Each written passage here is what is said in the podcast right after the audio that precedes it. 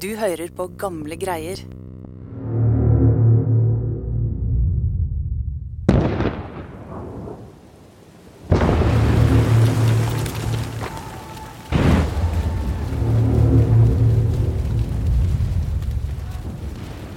Belgia, høsten 1917. Regnet øser ned.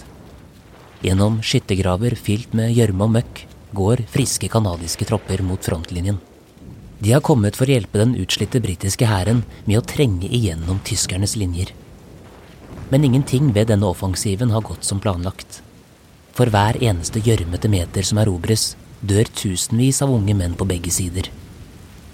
Det lille stykket land de kjemper om, er fullstendig utbombet. Men selv om statsministeren i London vil trekke styrkene tilbake, fortsetter troppene å strømme til. I disse rekkene står det en canadisk bataljon med en nordmann. De skal bli kjent som Selvmordsbataljonen. Oppstilt i de gjørmete skyttergravene får soldatene ordre om å sette på bajonettene på geværtuppene.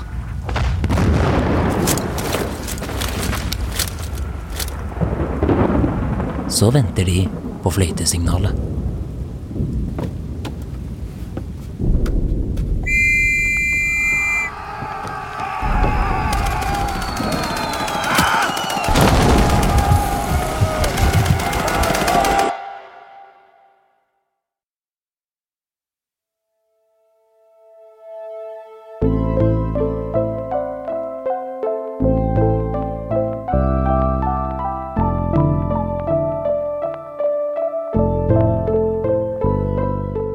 I selvmordsbataljonen er det en sambandssoldat som heter Andreas Velo. Som mange andre nordmenn har han endt opp i skyttergravene langs vestfronten. Men hvordan havnet han i dette helvetet, og hvordan gikk det med han under det vi i dag kjenner som slaget ved Passendal?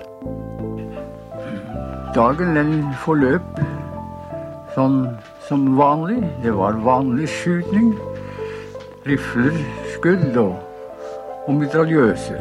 Og så de store prosjektilene som gikk den ene veien og den andre veien.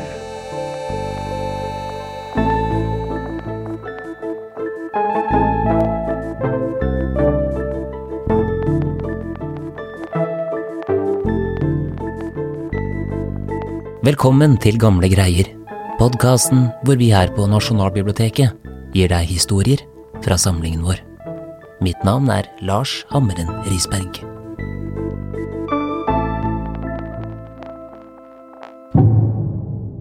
I 1914 sa man at uh, den store krigen kom til å være over til jul. Men våren 1917 var alle illusjoner om en kortvarig krig blåst bort fra Europa. Og ved fronten, i Belgia og Frankrike, så var uh, situasjonen like fastlåst. Inntil nå.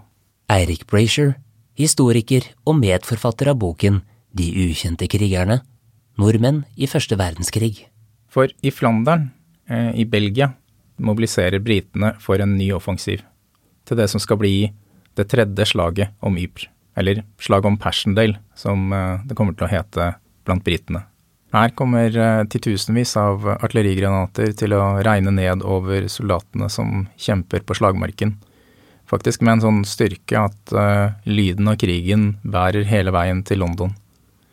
Midt inni dette helvetet befinner det seg flere nordmenn. Og en av dem er Andreas Velo. Og hva er bakgrunnshistorien for at eh, nordmenn som eh, Andreas Velo ender opp i skyttergravene langs eh, vestfronten? Ja, vi tenker vel kanskje ikke på denne verden rundt 1914 som en veldig global verden. Men den var veldig global. Den var veldig sammenvevd og sammenknytt. Ny teknologi hadde, sånn som jernbane og dampskip, hadde gjort det lettere for mennesker å reise. Det gjort det ikke minst billigere, og man kunne krysse langt større avstander enn det man kunne tidligere. Og det gjorde at nordmenn bl.a. reiste ut, særlig unge menn, eh, ofte i søken etter arbeid eller rett og slett lykke. Altså i hundreåret ca. før første verdenskrig så utvandret over 700 000 nordmenn. Og en av dem er jo Andreas Velo.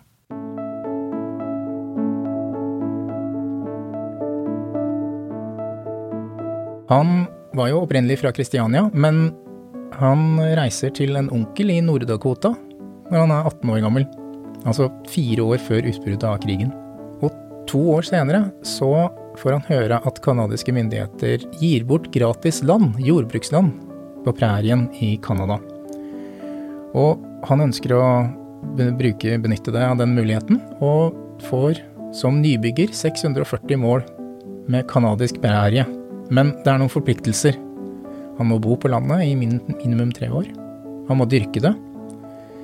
Eh, og det gjør han. Han slår til. Han kjøper plog og fire trekkokser av naboen sin, eh, og skal bli bonde.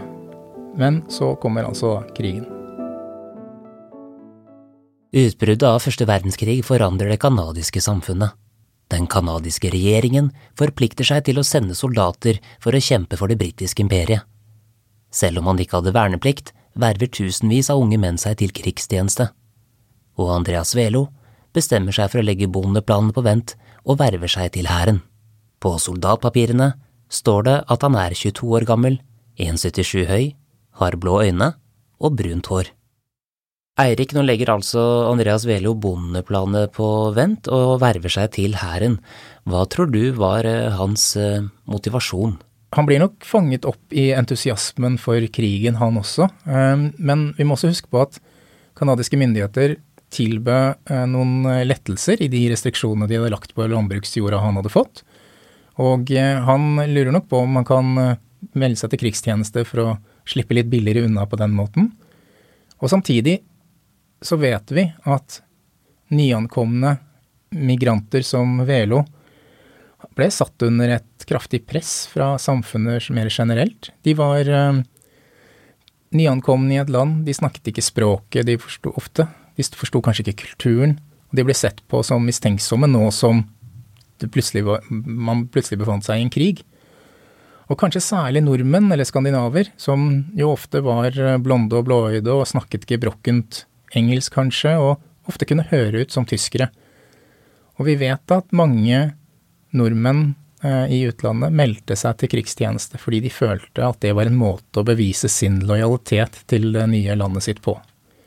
Så vi kan også spekulere litt og tro at, og tenke oss at det var en av motivasjonene for at Andreas Velo meldte seg til krigstjeneste i 1914.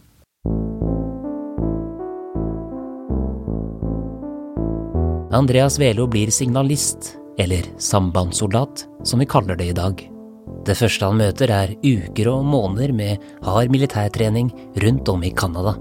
Høsten 1915 blir avdelingen fraktet med båt til Sør-England, hvor det venter enda mer trening. Til slutt går de i land i Normandie i Frankrike og marsjerer mot vestfronten, hvor det går opp for soldatene at krigens virkeligheter er noe helt annet enn de har trent på.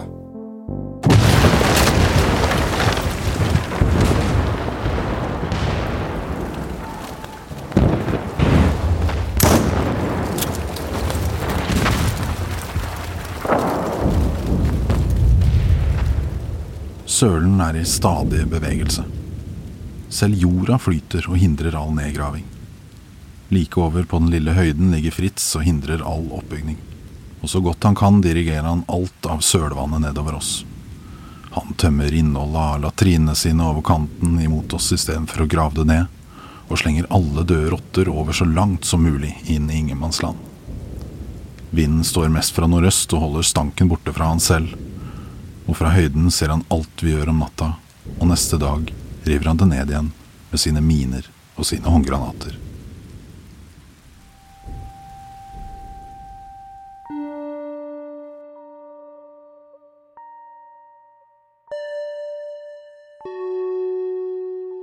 Vi befinner oss altså i lavlandet i Flandern, og rundt landsbyer, landsbyen som Passendal, da som i tre måneder har vært utsatt for artilleribeskytning fra begge sider, så er altså alle vannveiene, alle dreneringen, er ødelagt.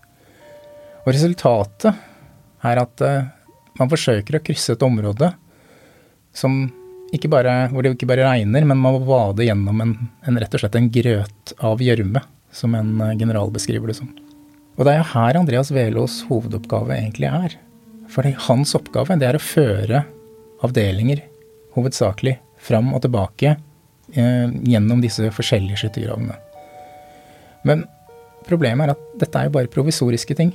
Disse provisoriske veiene de er jo selvfølgelig et ettertraktet mål for tyske fly og artilleri. De blir jo bombet og skutt i stykker ustanselig. Og så er de jo sleipe og glatte pga. gjørme og regn. Um, og faller det utenfor, så er, jo, så er det faktisk flere soldater som drukner i gjørma, i, i de store granathullene som befinner seg på, de, på, på hver sin side. Og på ett sted eh, hvor en granat har sprengt i stykker denne plankeveien, så har man som erstatning fylt i hullet med tre døde tyske soldater, som nå fungerer som en slags gangvei for de fremrykkende soldatene. Og gjørma fører jo til at alt blir mye vanskeligere. Geværene slutter å fungere eh, fordi det er vanskelig å holde dem rett og slett reine. Påvirker artilleriet. Altså granatene som slår ned i den fuktige uh, jorda, den, de ødelegger ikke de piggtrådene de er ment å ødelegge. Uh, og disse veiene fram og tilbake til mellom Jeper og frontlinjen, de blir jo uh, sånne sølefylte dammer. og som sagt da kontinuerlig under artilleriild fra fienden.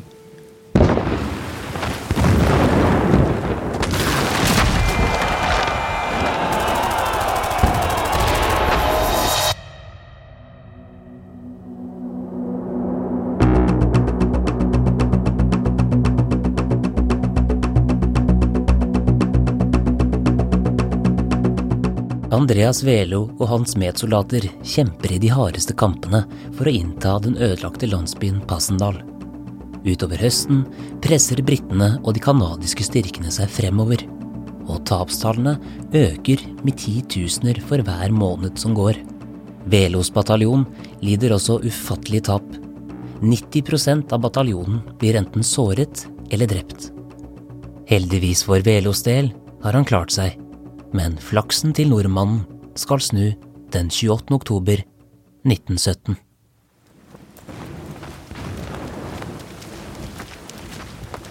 Andreas Velo er igjen på vei fremover med et kompani soldater som gir seg klar til eh, å gå eh, over ingenmannsland.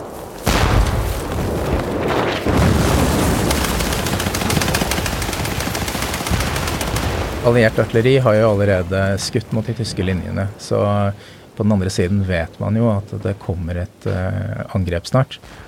Og uh, når de ser Velo og de andre soldatene myldre fram over ingenmannsland, så uh, åpner jo tyskerne ild med maskingevær og etter hvert også sitt eget artilleri. Og det er jo nå under det angrepet her at Velo plutselig kjenner at det stikker kraftig til i det ene beinet.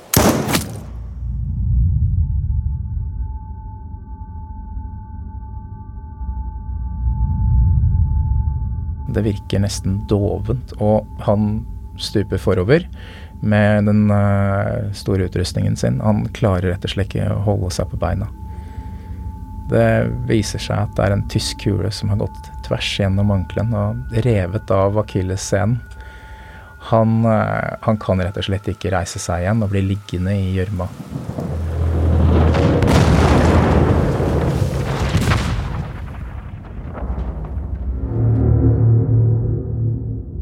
Han ber jo selvfølgelig om hjelp til de soldatene som nå stormer forbi han, men de kan ikke stanse. De er på vei fremover. Og dermed så blir han altså liggende alene ute i ingenmannsland, mens eh, det tyske artilleriilden intensiveres og kryper sakte nærmere de britiske stillingene og han selv.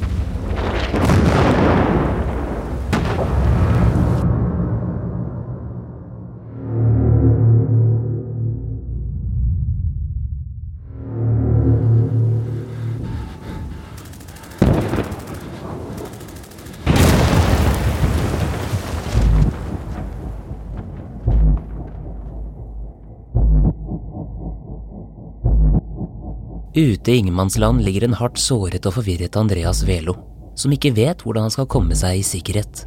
For det er ingen klar frontlinje der han ligger. Så hvilken vei skal han krabbe mot? Mens han tenker, blir smertene fra den revne akillesen enda verre. Og samtidig kommer skuddene fra det tyske artilleriet nærmere og nærmere. Før han vet ordet av det, slår fiendens artilleri rett ned ved siden av ham. Velo har ikke sjans, og eksplosjonen kaster han opp i luften.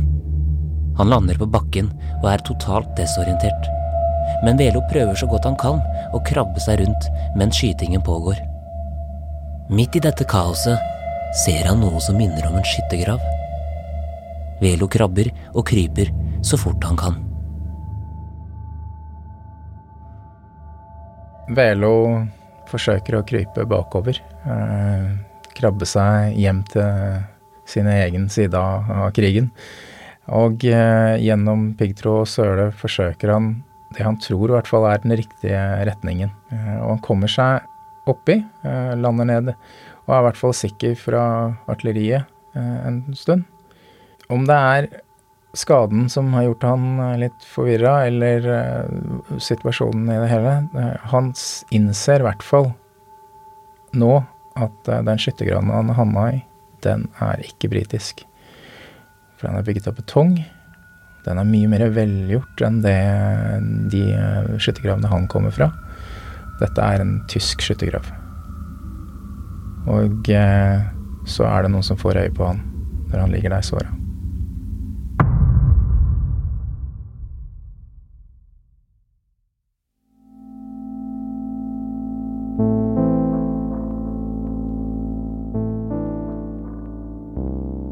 Men uh, heldigvis for Andreas Belo så er uh, canadiske styrker allerede inntatt den stillingen.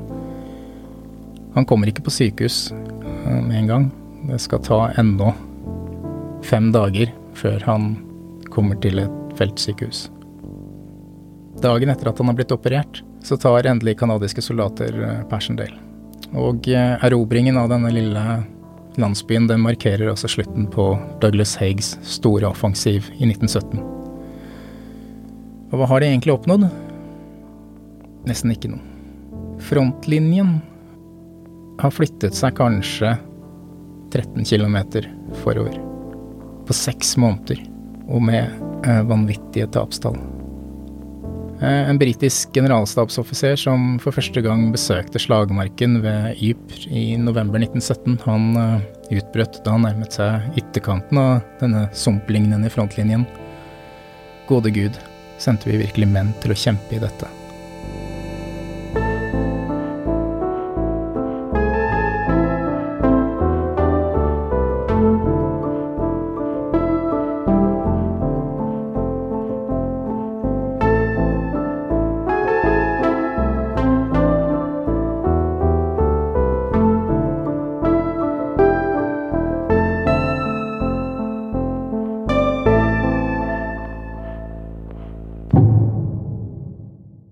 Den 11. november eh, klokken 11 i 1918 så tar første verdenskrig slutt. Så hva gjør eh, Andreas eh, Velo da? Reiser han på første båt tilbake til Canada for å bli bonde, eller, eller gjør han noe annet? Ja, altså han, han reiser jo aldri tilbake til Canada for å bli bonde. Han reiser isteden hjem til Norge, til Kristiania, det som etter hvert skal bli Oslo. Og eh, i Oslo blir han advokat. Men han legger ikke krigen helt bak seg. Eh, han blir med i en norsk veteranforening på slutten av 20-tallet som faktisk samler veteraner fra alle sider i krigen. Det er medlemmer der fra de som kjempet på tysk side, på britisk og russisk side.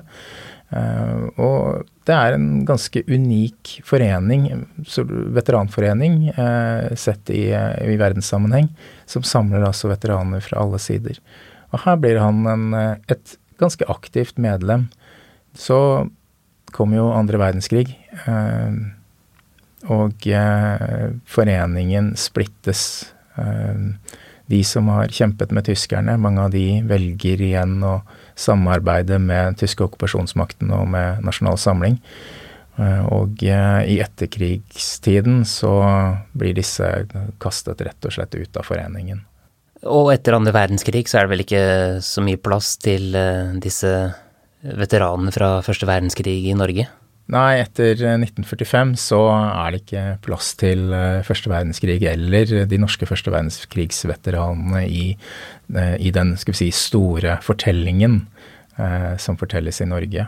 Um, men vi ser jo, og det var jo noe vi fant ut når vi jobba med boka vår, at de dukker opp litt sånn her og der. Um, på slutten av 60-tallet så gjør bl.a.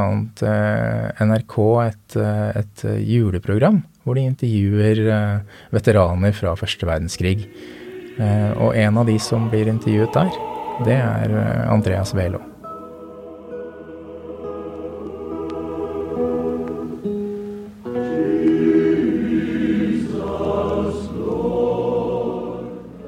Advokat Andreas Velo var med. Vil De være enig i at julen, julebudskapet, kan stanse selve krigen? Ja, jeg får si det. Julen i 1916 så var jeg ved Vimmi-høyden. Da var jeg nettopp kommet inn på Vimmi. Vi lå på den ene siden, eller i skråningen der. På høyden der lå tyskerne, altså ovenfor oss. Vi lå nedenfor. Vi var kommet ifra som, altså. Som var et forferdelig sted. Og vi håpet jo på at det skulle bli stille og rolig. Og i dette intervjuet så snakker han om erfaringene og opplevelsene av det å være ved fronten. Og selv om uh, han her ikke snakker om Passendal, selv om vi kan, vi kan også mistenke at han kanskje blander litt på, på, sine gamle dager, så er beskrivelsene av frontlivet uh, veldig sammenfallende med det han må ha opplevd i 1917. Det var skyttergraver som ble vel drenerte, og det var gode og bombesikre oppholdsrom i, selv i de første linjene der. Dagen den forløp sånn som vanlig. Det var vanlig skyting. Rifler, skudd og og mitraljøser. Og så de store prosjektilene som gikk den ene veien og den andre veien. Noen år etter at uh, Andreas Velo deltok i dette juleopptaket, så dør han. Som sannsynligvis en av de uh, siste norske første verdenskrigsveteranene. Og selv om andre verdenskrigs fortellingen dominerer eh, i dag, så vet vi at eh, det finnes mye minner fra norsk deltakelse i første verdenskrig. Det, det så vi når vi jobba med boka. Det er bare det at den er i familier som har båret denne historien videre. Men for oss er den glemt.